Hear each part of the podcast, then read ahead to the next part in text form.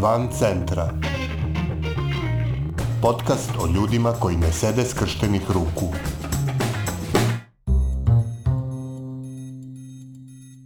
Vi slušate 16. epizodu podcasta Van centra, koji prati napore ljudi iz cele Srbije da poboljšaju kvalitet života u svojim sredinama.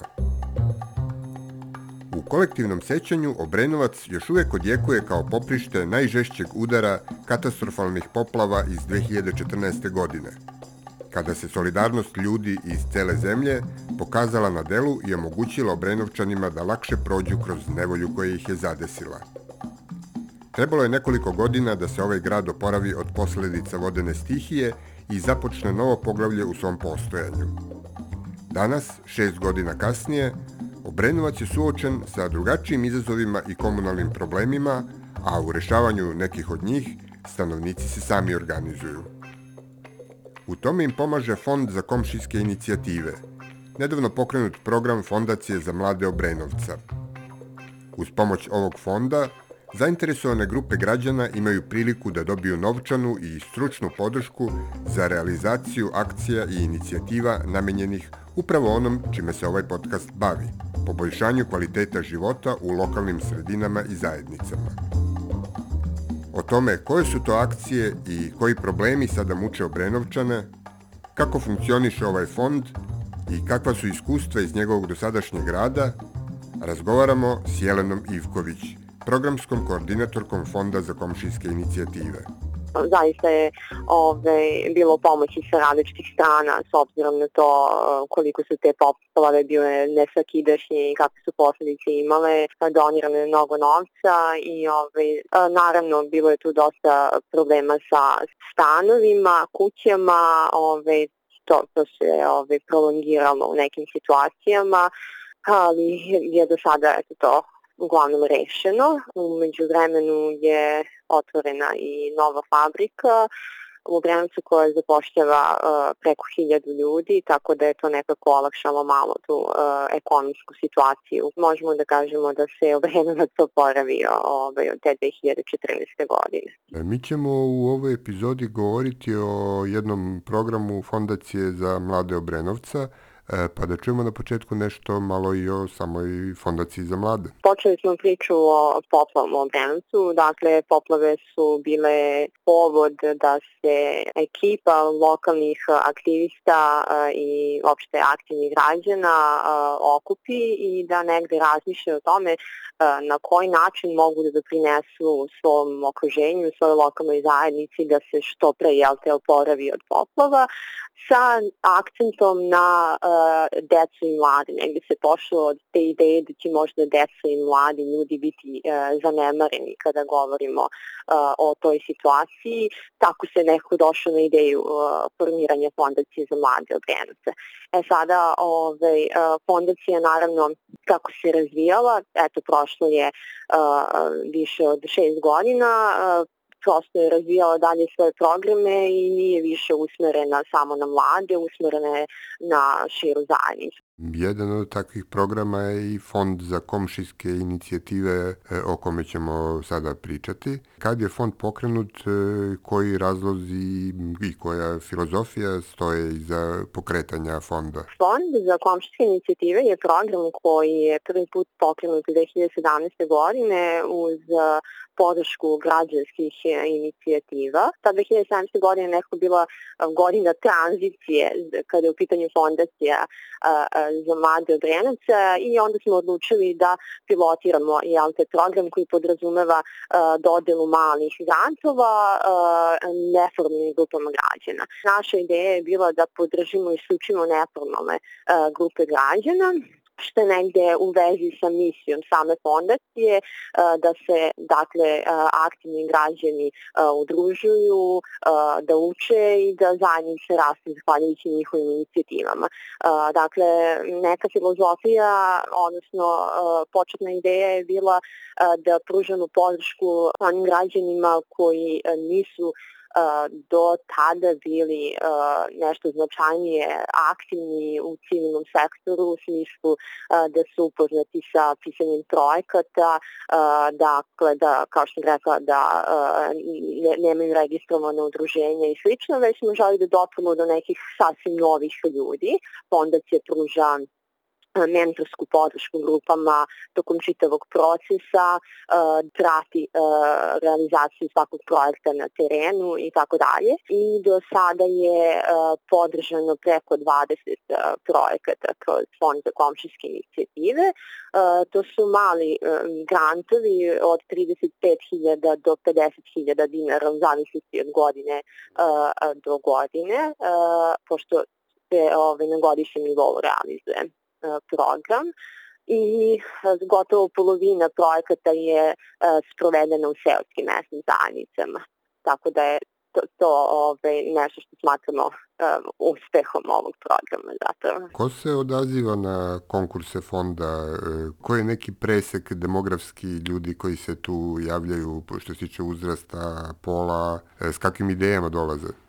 Što se tiče uzrasta, mislim, vrlo je to šarenoliko. Mislim, program je tako postavljen, kao program je namenjen komšijama i naš uslov je da to budu ljudi stariji od 15 godina e, i da grupa broji najmanje pet članova. Javljaju se i ljudi srednjih godina i neki mladi ljudi, odnosno ljudi koji do imaju do 30 godina, znači negde su tu podjednako ove, zastupljeni. Kada su u pitanju same ideje, uglavnom su to neki infrastrukturni projekti u smislu da se obnavljaju dečje igrališta, sportski tereni, prostori vrtića, u smislu da se neke javne površine uređuju, da se postavljaju nove klupe, kante za smeće, da se oslikavaju murali i slično.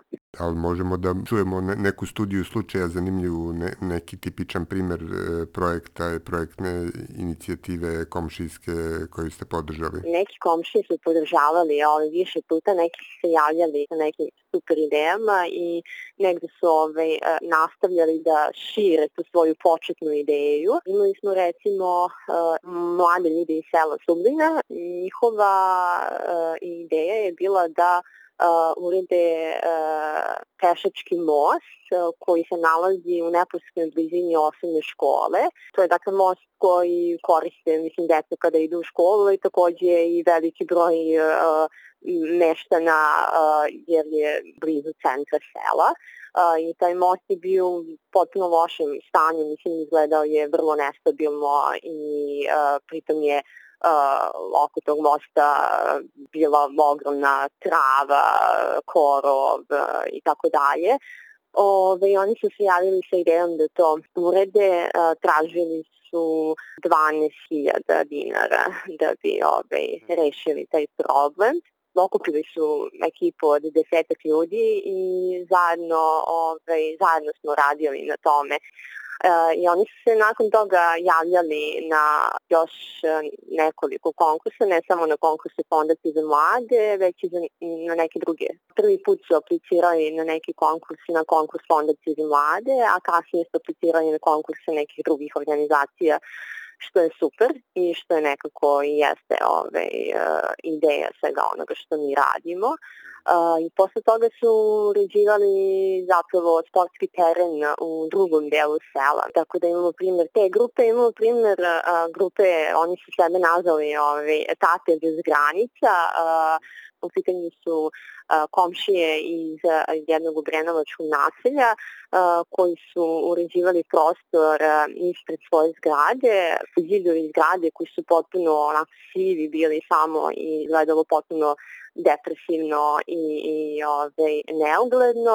Oni su okrečili uh, taj prostor, uradili fasadu i uradili su uh, murale sa dečjim motivima, takođe su obezbedili uh, mobilijar za, za decu u, u tom uh, prostoru. Kakva vam je saradnja sa lokalnim vlastima i, i ko su vam najbolji partneri i saveznici na lokalnom nivou? Što se tiče lokalne samouprave, rekla bih da i njihov odnos prema civilnom sektoru dosta indiferentan, a, u smislu da civilni sektor ne posmatraju kao značajan faktor u razvoju lokalne zajednice. O tome na koji način lokalna samouprava doživlja civilni sektor možda govori činjenica da su na konkursima lokalne samouprave udruženja dobijala jako mala sredstva za realizaciju projekata, tako da su udruženja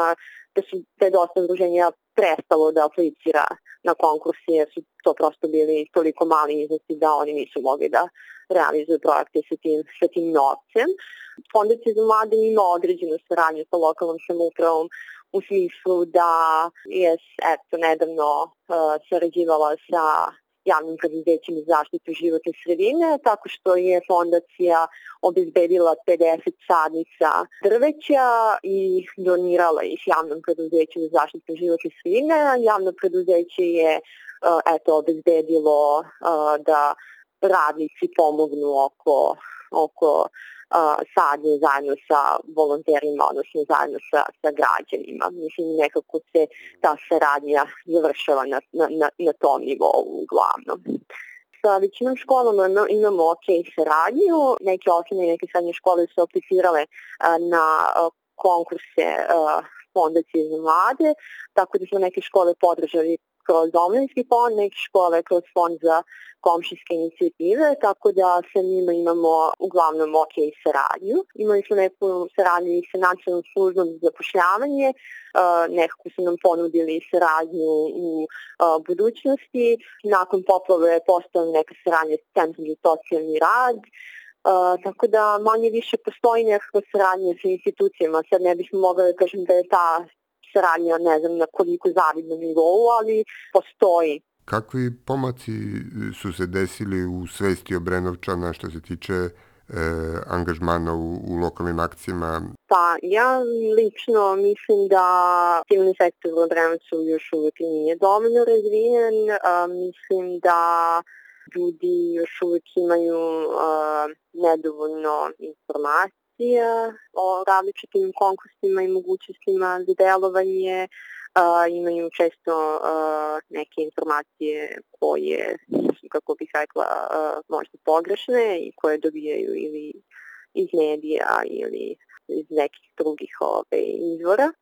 Ono što se negde primećuje kao tendencija, a što je mislim, prisutno na nivou čitave države, jeste veliki broj e, građana koji su uključeni u humanitarne akcije. Zaista veliki broj građana, veliki broj e, grupa i u poslednje vreme se formiraju udruženja koje se bave isključivo humanitarnim radom, dakle prikupljaju e, novac za sugrađene koji boluju od redkih teških bolesti, za socijalno ugrožene porodice. Što se tiče nekih drugih tema, one su onako dosta rijetke, pogotovo možda kada govorimo o ljudskim pravima, ove, čak bih rekla da, da i pripadnici samog civilnog sektora imaju često vrlo ambivalentan i mm, ne baš tolerantan odnos prema, prema različitim mestima.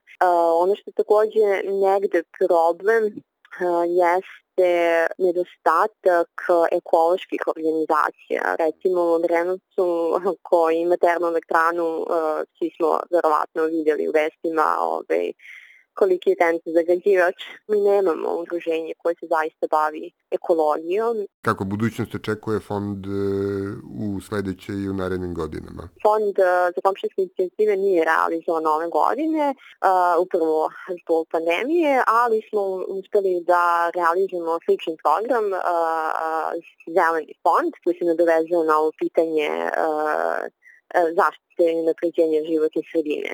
Hteli smo malo da otvorimo to pitanje, da vidimo na koji način građani, odnosno stanovnici Vrenaca reaguju na, na ta pitanja i zaključili smo da je svest građana dosta niska kada je ta tema u pitanju. U narednoj godini već planiramo uh, fond za komšijske inicijative da realizujemo, dakle ide da nastavimo dalje sa tim programom, uh, pošto mislimo da smo nekako najviše uh, prepoznati zahvaljujući tom programu i trenutno smo u fazi prikupljenja informacija od građana kroz online upitnik o tome na koji način bismo mogli da unapredimo program. U narednom periodu, barem na osnovu odgovora koje sada možemo da vidimo kroz upitnik.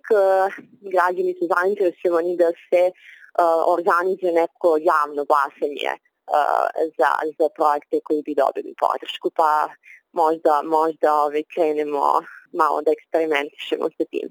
Kakva očekivanja ste imali na početku rada fonda kad ste ga tek pokretali? Kako sad gledate na njegov razvoj?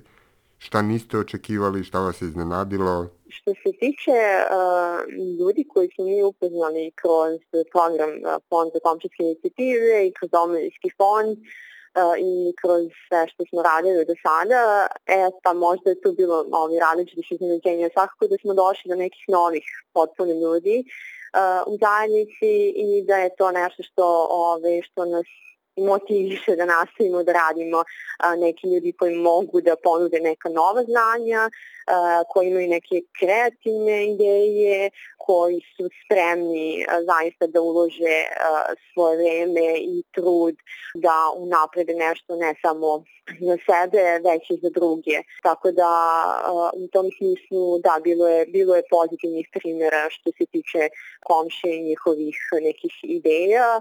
Ono što možda nedostaje i što bi bilo super da se pomeni u narednim godinama jeste da se da veći broj ljudi koji je uključen u programe nekako posmatra širi kontekst i širu sliku i da se nekako um, ne zadovoljava na jednoj akciji, već da nekako posmatra stvari na malo drugačiji način, odnosno zašto baš on mora tu klupu da popravi, da li vrtić treba da se popravlja uh, zahvaljujući donacijama građana ili time treba da se bave institucije. U tom smislu mislim da bi ovaj, čitav civilni sektor uh, mogao možda malo bolje da artikuliše neke uh, probleme i izazove koji postoje uh, u zajednici i da preuzme proaktivniju ulogu. Mislim, mislim da se i dalje čeka, čekao mi samo da, da neko drugi dođe i da pokrene neke stvari. Bila je ovo epizoda Van Centra za 25. decembar 2020. godine. Budući da redakcija sad ide na zimski raspust, nove priče o ljudima koji ne sede skrštenih ruku moći ćete da čujete u utorak 19. januara. Umeđu vremenu pridržavajte se mera zaštite od koronavirusa Čuvajte svoj i tuđe živote i ne ćutite pred glupošću i nepravdom. A redakcija podcasta Van Centra želi vam da 2021. godinu pamtite po lepšim stvarima nego ovu koja upravo završava. Srećno! Van Centra je autorski podcast koji se realizuje uz podršku građanskih inicijativa. Stavovi izneti u emisiji nisu nužno stavovi redakcije podcasta Van Centra, niti udruženja građanske inicijative. Redakcija Tara Petrović, Miodrag Mrkšić i Aleksandar Gubaš. Urednik i voditelj Aleksandar Gubaš. Muzika i Logical Beat i Ben Sound.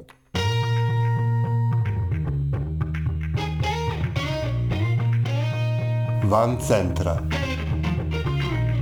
Podcast o ljudima koji ne sede skrštenih ruku.